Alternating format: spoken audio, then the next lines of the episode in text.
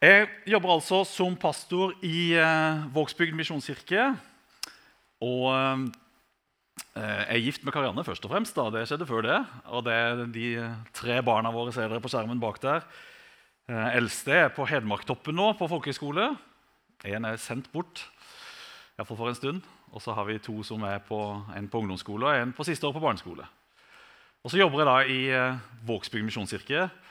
Og eh, det bildet dere ser eh, fra gymsalen der, det er der vi har gudstjeneste. Og nå eh, Sist så var det jo litt koronarestriksjoner, så det er litt sånn spredt ut. Men det er utrolig fint å kunne samles igjen. Og så er det noen av staben da, på tur i august i sommer. Så har jeg bodd i Vågsbygd siden 2002 og vært pastor i menigheten da siden 2006. Og dere fikk litt av den historien. Når det gjelder Grimstad misjonskirke, så er det faktisk første gang jeg står her på en gudstjeneste. Og jeg kjenner ikke menigheten veldig godt, selv om jeg kjenner noen her. Eh, både de som jobber her, og noen som går her. Men det som jeg synes er spennende, det er at vi har jo noen felles erfaringer sammen. Nemlig det at vi har vært med å støtte opp om plantingen av Lillesand misjonskirke med Astrid og Lars i spissen. Jeg var så heldig å fikk lov å være coach der fra 2014 til 2018 og heie på den menighetsplantingen. Og dere fikk lov å være mor og heie på den på deres måte med både økonomisk støtte, med støtte fra pastor og lederskap, med andre ressurser. Veldig, veldig bra. Jeg har lyst til å virkelig takke dere for at dere var villige til å investere. For det betyr at det er flere mennesker i Lillesand som har fått møte Jesus enn det var tidligere. Jeg vet ikke hva din erfaring med planting er. Men det kunne virke som at alle plutselig skulle bli gartnere her når det ble korona. Alle skulle ha et drivhus eller en liten parsell. og Vi, eh, vi har eh, bygd et nytt hus i 2018. så det, Hos oss var det sånn at det fortsatt en tredjedel av tomta var bare stein. Så det var jo et godt utgangspunkt for å begynne å, å lage til litt i jorda. Så vi har planta tomater og noe kål og jordbær. og Noe av det ble veldig bra. Noe av det kunne vi høste mye fint av. Noe skjønte vi etter hvert at dette har vi egentlig ikke peiling på, for vi satte der det var altfor mye trekk eller det var for lite sol. eller ikke sant, alle de tingene her. Men det jeg fant ut, det er at hvis du skal ha noe å høste på høsten, så må du putte noe i jorda om våren. Du er nødt til å plante hvis du skal høste. Det er en sånn livslov. Under forrige strategiperiode, under Vekst 2020, altså perioden fra 2010 til 2020, så hadde Misjonskirka Norge et tydelig fokus på det å plante nye menigheter. Og vi satte et mål om å plante 20. Hvordan, hvordan gikk det egentlig? Jo, ni nye misjonskirker ble tatt opp som selvstendige misjonskirker i Misjonskirka Norge. Var, vi var en av de ganske tidlig der i 2010. Vågsbygd, Justnes, Ytre Randesund, Flekkerøy, Hårnes, Misjonskirken Follow, Lillesand, Misjonskirka Voss og Hellemyr misjonskirke. Det var 14 planteprosjekter som pågikk samtidig. Og Tre av de er fortsatt prosjekter. Grorud, Fornebu og Varhaug. Og så er det fire prosjekter som ble avslutta eller lagt på is. En av de var Torridal misjonskirke. Der var jeg jo med som coach, og det var masse fint som skjedde på Torridal. Og så kom det allikevel til den konklusjonen at de valgte å avslutte arbeidet der i 2019. Ja, det var sårt, syns jeg. Det var trist. Og det var tungt for de som sto midt oppi det. Eh, Men i dag på morgenen faktisk, når jeg hadde siste forberedelse for den talen, så tikka det inn en mail med liksom sluttoppgjøret, for de har solgt den, det bedehuset som de kjøpte der. Og det som var fint, det var at eh, de pengene som ble, eh, de fikk inn for det salget, det ble fordelt både mellom lokale kirker på stedet og Misjonskirken Norge til videre plantning. Så er det selvfølgelig en, eh, en liten trøst for de som sto midt oppi det og gjerne skulle sett at det ble en menighet der videre.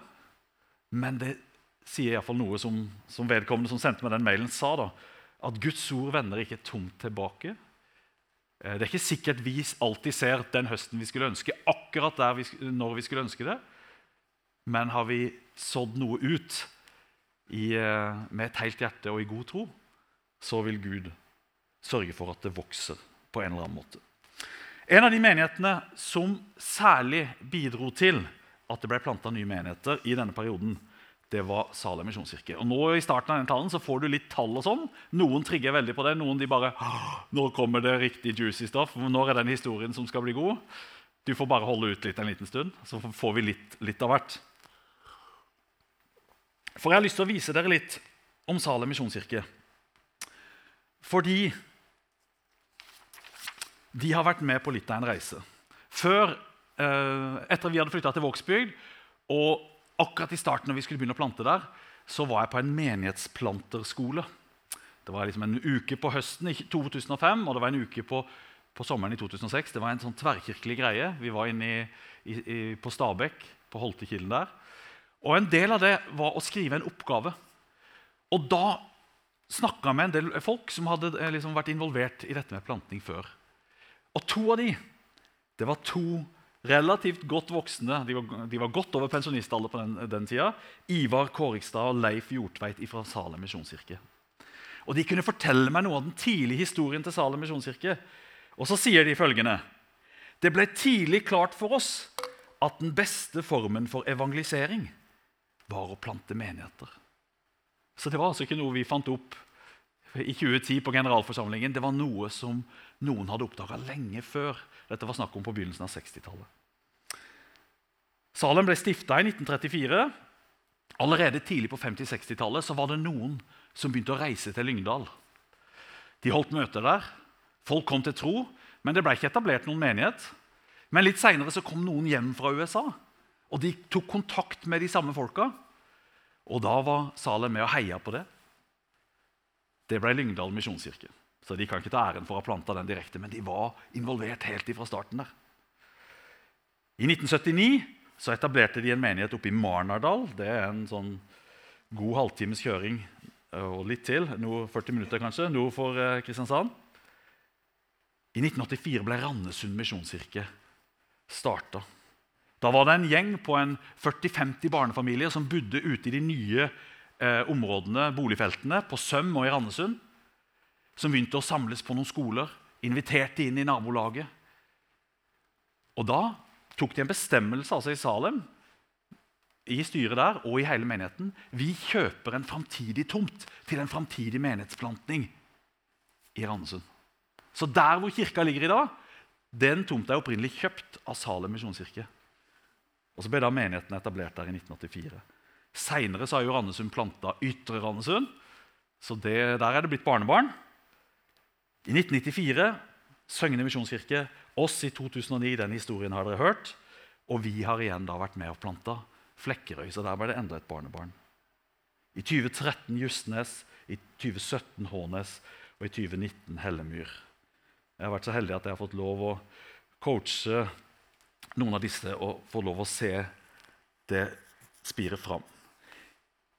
Noe som jeg tror var viktig oppi alt det der, det var at mellom 2004 og 2006 det var en litt sånn storhetstid hvis vi skal snakke antall i Salem i nyere tid. Da var det over 250 personer på en vanlig gudstjeneste.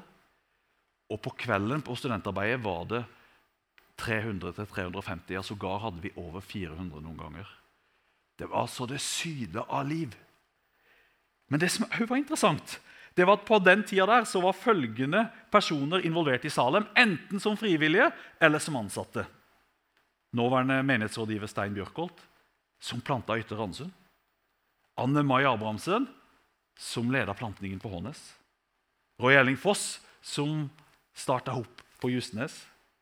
Siri Iversen, som leda plantningen i Flekkerøy og var med og planta Vågsby misjonskirke. Og Jorunn Lone, som var med og leda Hellemyr misjonskirke. Og han som står her. Det var akkurat som at det ble en liten sånn sentrifuge der på å sende ut. Så kommer vi tilbake til det. Men hva har dette ført til? Da kommer det noen tall her, da.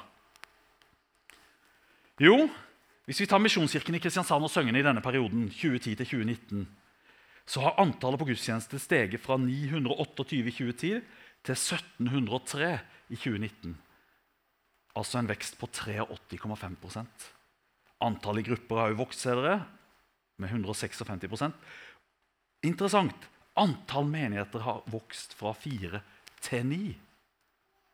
Altså en direkte innvirkning på hvor mange mennesker som samles. Og Hvis vi sammenligner med Aust-Agder Det skal vi ikke si lenger, men det var jo i hvert fall gamle Aust-Agder. Jeg kommer jo fra Sogndal mellom Riise og Tvedestrand, så veldig glad i gamle Aust-Agder. For misjonskirkene Arendal, Froland, Bjorbekk, Grimstad Lillesand, som alle er flotte menigheter, så var antallet på gudstjenester i 2010 594. Grimstad sto for 164. Og i 2019 var det økt til 732, og Grimstad hadde økt til 234. Altså Her i gamle Aust-Agder hadde det økt med 23% Det interessante da er at det var bare planta én menighet. Det var jo fantastisk. Lillesand misjonskirke. Når vi ser på de her tallene her, så er det ingen tvil om at det har vært en direkte sammenheng mellom antall nye menighetsplantninger, etableringer, og veksten i antall mennesker som er blitt nådd. Tenk om Salem hadde tviholdt på sine ressurser istedenfor å frigi dem til å plante ut. Det interessante er jo at det er jo ikke langt fra alle disse kirkene her til Salem. Altså Søgne ligger lengst unna. Der er det 25 minutter å kjøre. Men alle disse andre i Kristiansand der er det mellom 11 og 20 minutter å kjøre. Men hva er felles for alle disse stedene hvor det er blitt en misjonskirke? Jo, det er bydeler på mellom 4000 og 8000 mennesker. Det ligger en lokal, minst én lokal butikk, kanskje to-tre. Det ligger minst én lokal skole, og gjerne både barne- og ungdomsskole. Det, ligger, det, er et lokalt idrettslag der. Og nå er det jammen en lokal misjonskirke. Jeg synes Det var fantastisk flott å se den veksten som Grimstad har hatt i denne perioden. her. Særlig at antallet personer i smågrupper har mer enn tredobla seg på de ti åra. Det er jo fantastisk. Hva kan skje de neste ti åra? Hvor bor alle disse menneskene?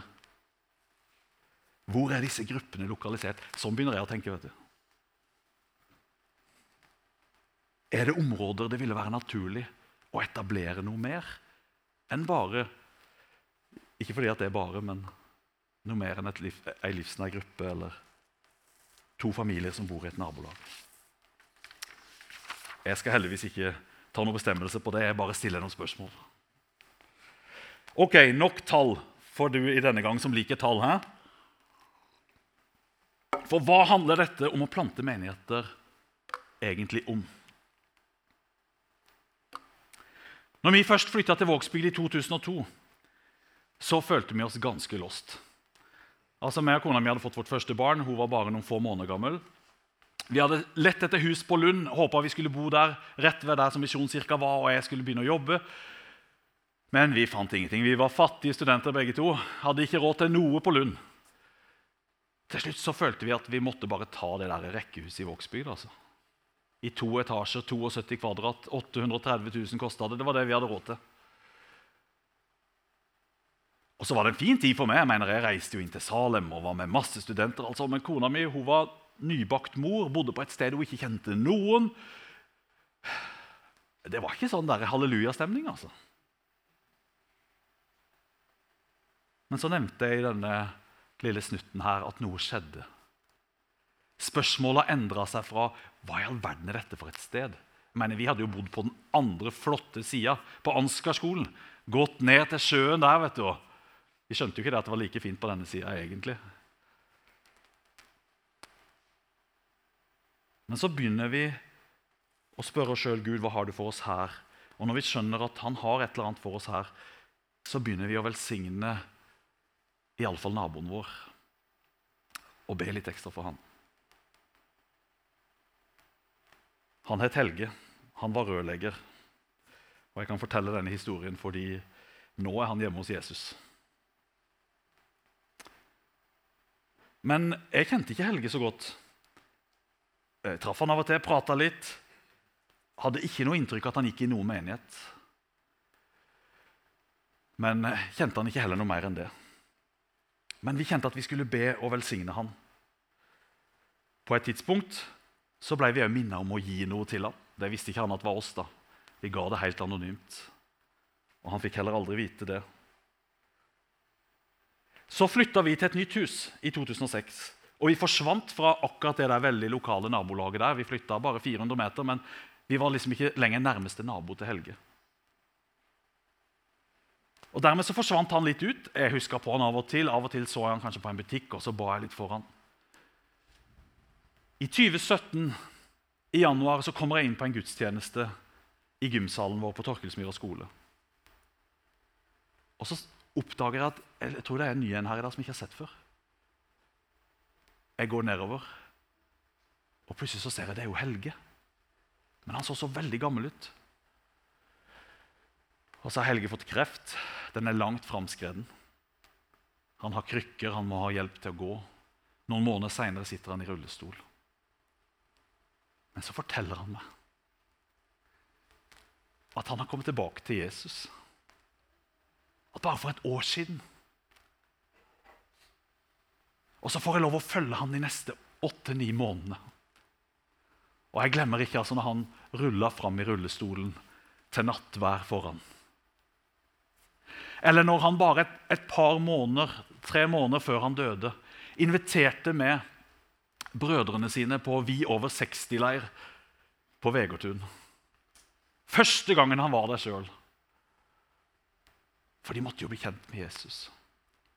Og så fikk jeg lov å følge han inn de siste ukene. Jeg ble kjent med en flott familie, og han delte ivrig til alle som kom inn på hans rom, om Jesus. Han døde i oktober 2017. Men når jeg tenker på hvorfor vi planter menigheter, hvorfor vi når ut til nye mennesker, så tenker jeg på Helge. Hadde ikke han blitt nådd med evangeliet hvis ikke vi hadde planta VM? Vågsby misjonskirke, det er helt umulig å si.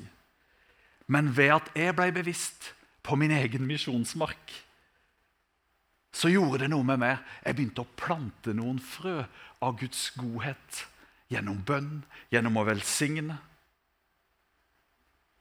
Så jeg tenker at vi var kanskje et lite bidrag i at han fikk møte Jesus.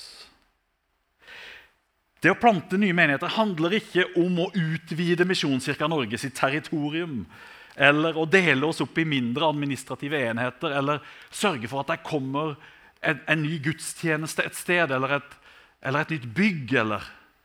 Nei, det handler om å gjøre Jesus Kristus tilgjengelig for nye mennesker. Det handler om å gjøre Jesus Kristus tilgjengelig for nye mennesker. Vi planter egentlig ikke menigheter. Vi planter de gode nyhetene på nye steder, i nye mennesker. Og Dermed er det, trenger, er det noe som, som, på en måte du kan holde på med akkurat nå, uavhengig av hvor du bor hen. Uavhengig av om du er med på en organisert menighetsplantingsprosjekt eller ikke, så kan du være med å plante de gode nyhetene i nye mennesker. La oss gå til Bibelen og se hvordan dette utspant seg i den første kristne menighet. La oss lese fra Apostelens gjerninger, kapittel 13, og vers 1-5. I menigheten i Antiokia var det noen profeter og lærere. Barnabas og Simon med tilnavnet Niger, Lukius fra Kyrene, Manaen, pleiebror til landsfyrsten Herodes, og dessuten Saulus. En gang mens de feiret gudstjeneste for Herren og fastet, sa Den hellige ånd, ta ut Barnabas og Saulus for meg, så de kan gå til den oppgaven jeg har kalt dem til. Etter faste og bønn la de hendene på dem og lot dem reise. Disse to, som altså var blitt sendt ut av Den hellige ånd, dro til Selevkia og, og seilte derfra til Kypros. De kom til Salamis, hvor de forkynte Guds ord i jødenes synagoger. Vi er altså i menigheten i Antiokia, den første krist, hedningekristne menigheten altså, som var i, i, um, i flertall, var ikke-jøder. Og Det er gått ca. 16 år siden pinsedag. De, noe, de, gode nyhetene har jo blitt forkynt mange steder i Israel allerede. Både i Judea og i området Samaria. Men fortsatt så lå det mye mer på Guds hjerte. For Jesus hadde jo sagt i Apostelens i kapittel 1 og vers 8 men dere skal få kraft når Den hellige ånd kommer over dere, og dere skal være mine vitner i Jerusalem, i hele Judea, i Samaria og like til jordens ender. Menigheten i Antiokia er tydeligvis en ressurssterk menighet på denne tida. Det er mange profeter og lærere der, sto det. Men nå gir altså Den hellige ånd beskjed om at tida er inne for å sende noen fra seg. Og det er ikke hvem som helst som blir på en måte plukka ut. Det er selveste Paulus og Barnabas, de som har vært med og grunnlagt menigheten. Men det er tydelig at dette er ikke noe nytt for Paulus og Barnabas. Nå har de vært der en god stund. Men dette er jo tydelig at dette er et, et kall som har ligget på deres hjerte lenge. Og nå sender resten av menigheten de ut for å fortsette å forkynne evangeliet til jordens ender. Og Når vi leser utover i kapittel 13 og 14 i Apostelens gjerninger, så er det akkurat det som skjer. På stadig nye steder forkynner de de gode nyhetene om Jesus, ber for de syke, hjelper de som har det vanskelig, og mennesker kommer til tro.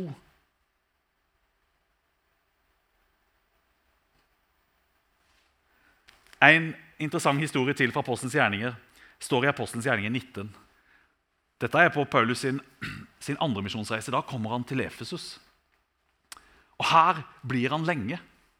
Han blir tre år. Og han eh, er til og med på en skole som de kalte for Tyrannos-skolen.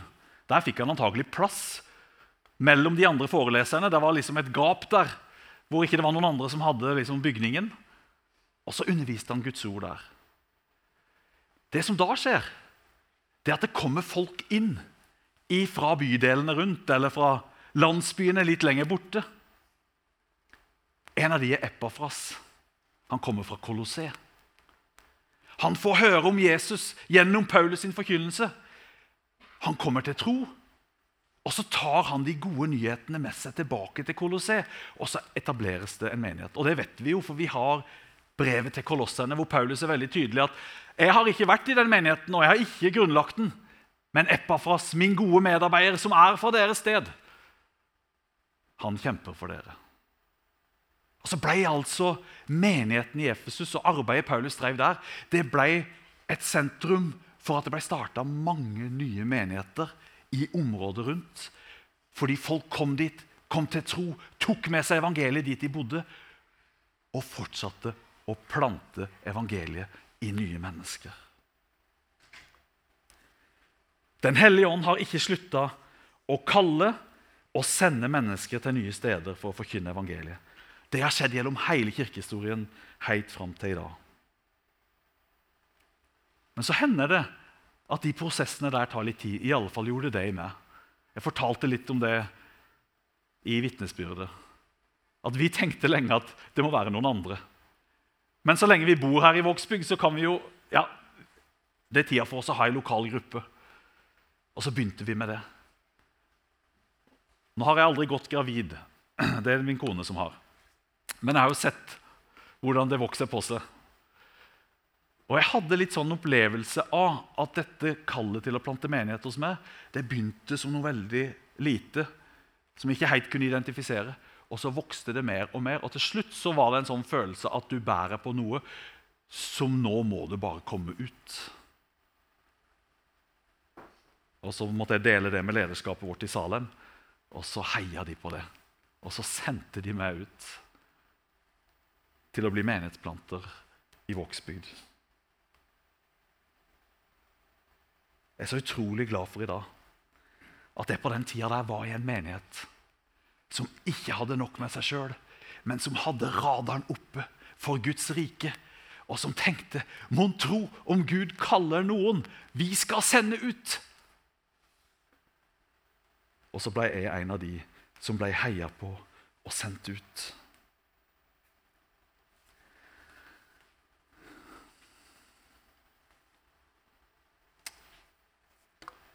Det koster å plante. Det gjør det når vi skal etablere en åker òg. Jeg vet ikke om dere har fulgt med på Farmen, men altså, i hvert fall for 100 år siden så kosta det veldig. Jeg så Sist eh, episode nå av Farmen kjendis, da skulle de få opp en svær åkerlapp på halvannet mål. Og Det var hardt arbeid å få liksom forberedt den klar til du kunne begynne å putte de der frøa i, i, uh, i jorda. Og så er det jo ikke vi som kan gjøre noe med veksten, den er det bare Gud som gir. Men vi kan forberede, vi kan plante, vi må vanne litt. Uten tvil har det vært tøft for Salem i perioder når de har sendt fra seg stadig nye personer. Men Gud har sørga for dem. Ikke alltid med en gang. Liksom, vi sendte noen på søndag, og neste søndag så, så sto de neste, nye medarbeiderne klare. Men i løpet av noen år så har Gud sørga for at menigheten har fått det de trenger. Når vi skulle plante eh, Flekkerøy misjonskirke, så kunne vi ikke få gjort det fort nok. Og grunnen til det var at Vi kunne, ikke, vi kunne på en måte ikke få en større baby enn den som allerede var der. Vi var 240 personer på gudstjenesten. 120 av de kom fra Flekkerøy. Vi måtte jo bare se og få forløst de ut til sin egen misjonsmark. Ja, men Flekkerøy sier du, er ikke det bare kristne der? Det som har skjedd på Flekkerøy, er at når tunnelen åpna, så var det rundt 1800 mennesker på Flekkerøy. I dag er det 4500. Veldig mange av de er tilflyttere. Den enhetskulturen som en gang var der, er der ikke lenger. Og når Flekkerøy misjonskirke starta opp, så var det, traff de virkelig et stort behov i den tida.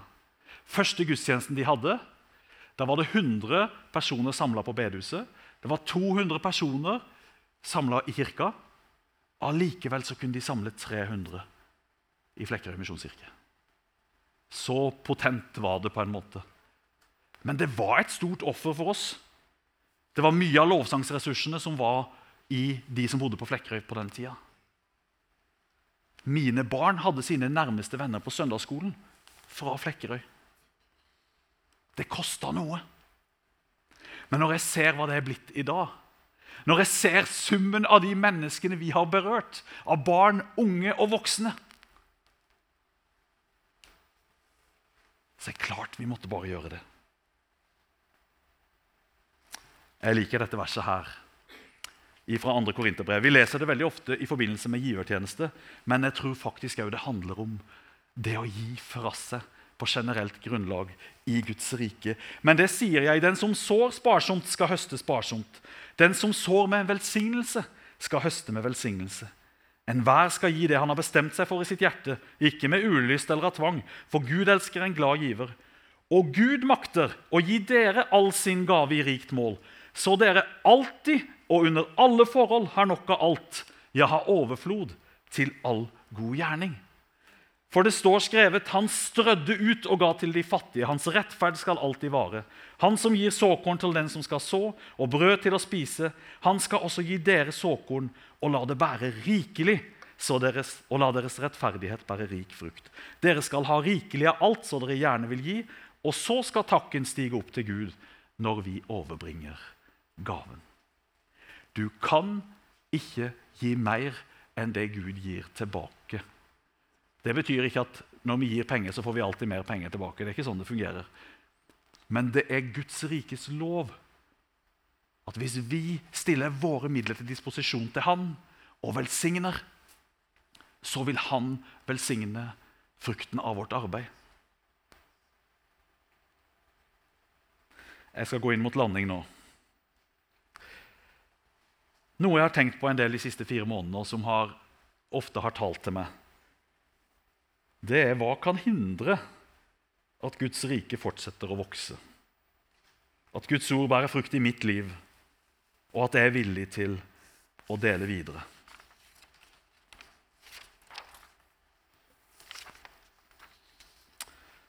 Da er det et ord fra Jesus, fra såmannslignelsen i Markus 4, som har talt til meg. Andre igjen er de som blir sådd blant tornebusker. De hører ordet, men dette livets bekymringer, rikdommens bedrag og lysten på alle andre ting kommer inn og kveler ordet, så det ikke bærer frukt. Veldig mange ganger så kjenner jeg meg inspirert etter å ha vært på en gudstjeneste som dette. her. Og så kjenner jeg at å, så spennende å være med på det Gud gjør. Men så kommer mandagen, og så kommer bekymringene for det ene og det andre. Og så kommer alle tinga jeg har lyst på. Ting jeg har lyst til å være med på. Dette er en helt annen tale, så jeg skal ikke gå inn på det. Men uh, hvis du sammenligner hva vi hadde tilgjengelig på begynnelsen av 80-tallet hva vi har tilgjengelig da, så vil du bli forskrekka. Jeg gjorde en sånn undersøkelse i mitt eget liv, for jeg var, jeg var seks år i 1981. Nå er jeg 46. Vi har bare fått mer og mer og mer. Og så lurer jeg på om ikke Edin Løvaas sine ord er like relevante ennå. Pass dere for småborgerligheten. Pass på at dere ikke ender opp som vaktmestere i eget liv. En disippel av Jesus er et menneske som forenkler sin livsform for å få tid og overskudd til disippellivet. Det jeg opplever i mitt liv i dag, det som jeg kan røve på en måte Guds ord og Guds muligheter til å bli handlinger i mitt liv, er kanskje summen av alle ting jeg må ha med meg, eller jeg må skaffe meg, eller jeg må administrere. Fordi jeg lever i 2021 eller 2022.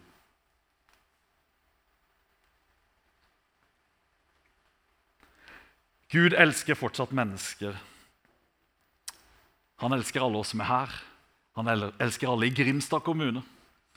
Han elsker alle på Sørlandet, hele Norge, ja, hele verden. Og han lengter etter at enda flere skal få erfare at Jesus Kristus er den eneste Herre og Frelser.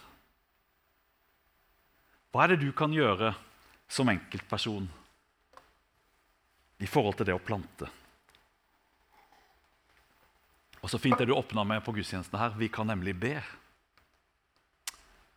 Sist gudstjeneste så delte Odd Arild om ei dame som gikk rundt i hans nabolag og ba.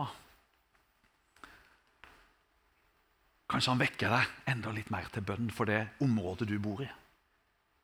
For den lokale butikken du handler på, hun som alltid sitter der i kassa, eller det lokale FAU du er en del av, og de personene du alltid møter der. Det er en hensikt med at vi bor akkurat der vi bor. Gud hadde tenkt å bruke oss der. Kanskje du kan løfte bønnen enda litt mer for de som er rundt deg. Spør om det er noe du skal gjøre godt for de som er rundt deg. Eller kanskje han begynner å minne deg på et nytt område du skulle be for, som ikke du har tenkt på før. Og Så går det allerede an nå å gi en gave. Nå ga dere til Lillesand i dag. Det er jo fantastisk. Så er det plantninger som pågår i Grorud, på Varhaug og på Fornebu. Hvis du har lyst til å være med og bidra inn i en plante allerede nå, så kan du det. Hva kan dere gjøre som menighet? Hva kan dere som lederskap? Jeg skjønte at dere har satt dere som et mål å være med og plante en menighet innen 2023 eller kanskje 2024. Begynn å be for det allerede nå. Ta gjerne en prat med Anne Hansli eller Markus Kvavik, som begge to jobber med menighetsplantning i Misjonskirka Norge? Hvorfor ikke begynne å sette av penger allerede nå til en framtidig plantning? Slik at når den kommer, så er dere klare. Mest av alt forbered hjertene på å sende fra dere. Forbered hjertene på at noen av de dere tenker på at ja, men det er jo noen av våre viktigste ressurser. Ja, men tenk om Gud trengte de et annet sted.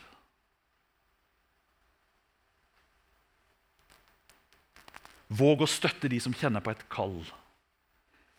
Og ikke la lysten på alle andre ting stå i veien.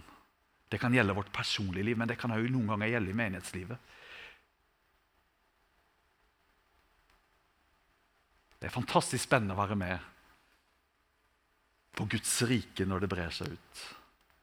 Og det brer seg ut gjennom at noen putter frø i jorda. Noen vanner. Og så er det Gud som gir den veksten, og så får vi lov å være med og høste noen ganger.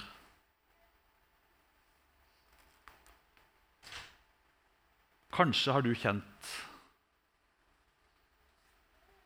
på et eller annet når jeg har talt i dag. Jeg kjenner ikke dere. Men det var i hvert fall sånn at Paulus og Barnabas når de var i Antiokia, så visste de allerede hva Gud egentlig hadde kalt dem til.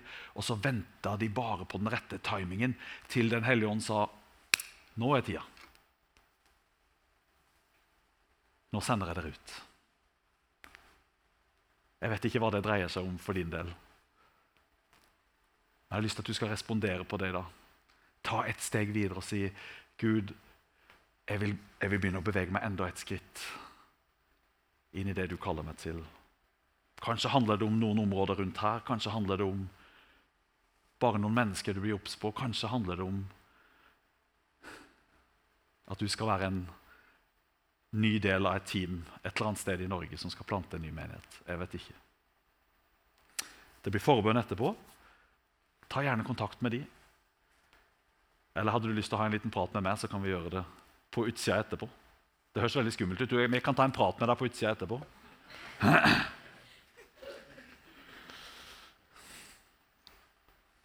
Jesus Kristus. Takk at du aldri holdt på dine verdier, på dine rettigheter, på det å være den opphøyde Guds sønn, men du ga det og steg ned. Og du satte alle dine ressurser inn på å frelse oss. Herre, jeg ber om at Grimstad misjonskirke i tida framover skal fortsette å vokse og skal fortsette å stille sine ressurser til rådighet for ditt rike.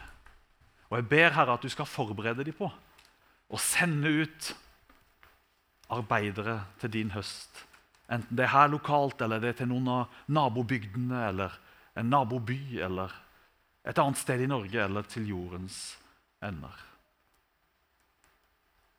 Takk at du har lovt, Herre, å sørge for både den som går, og den som sender. Vi vil stole på deg i det, Herre. Amen.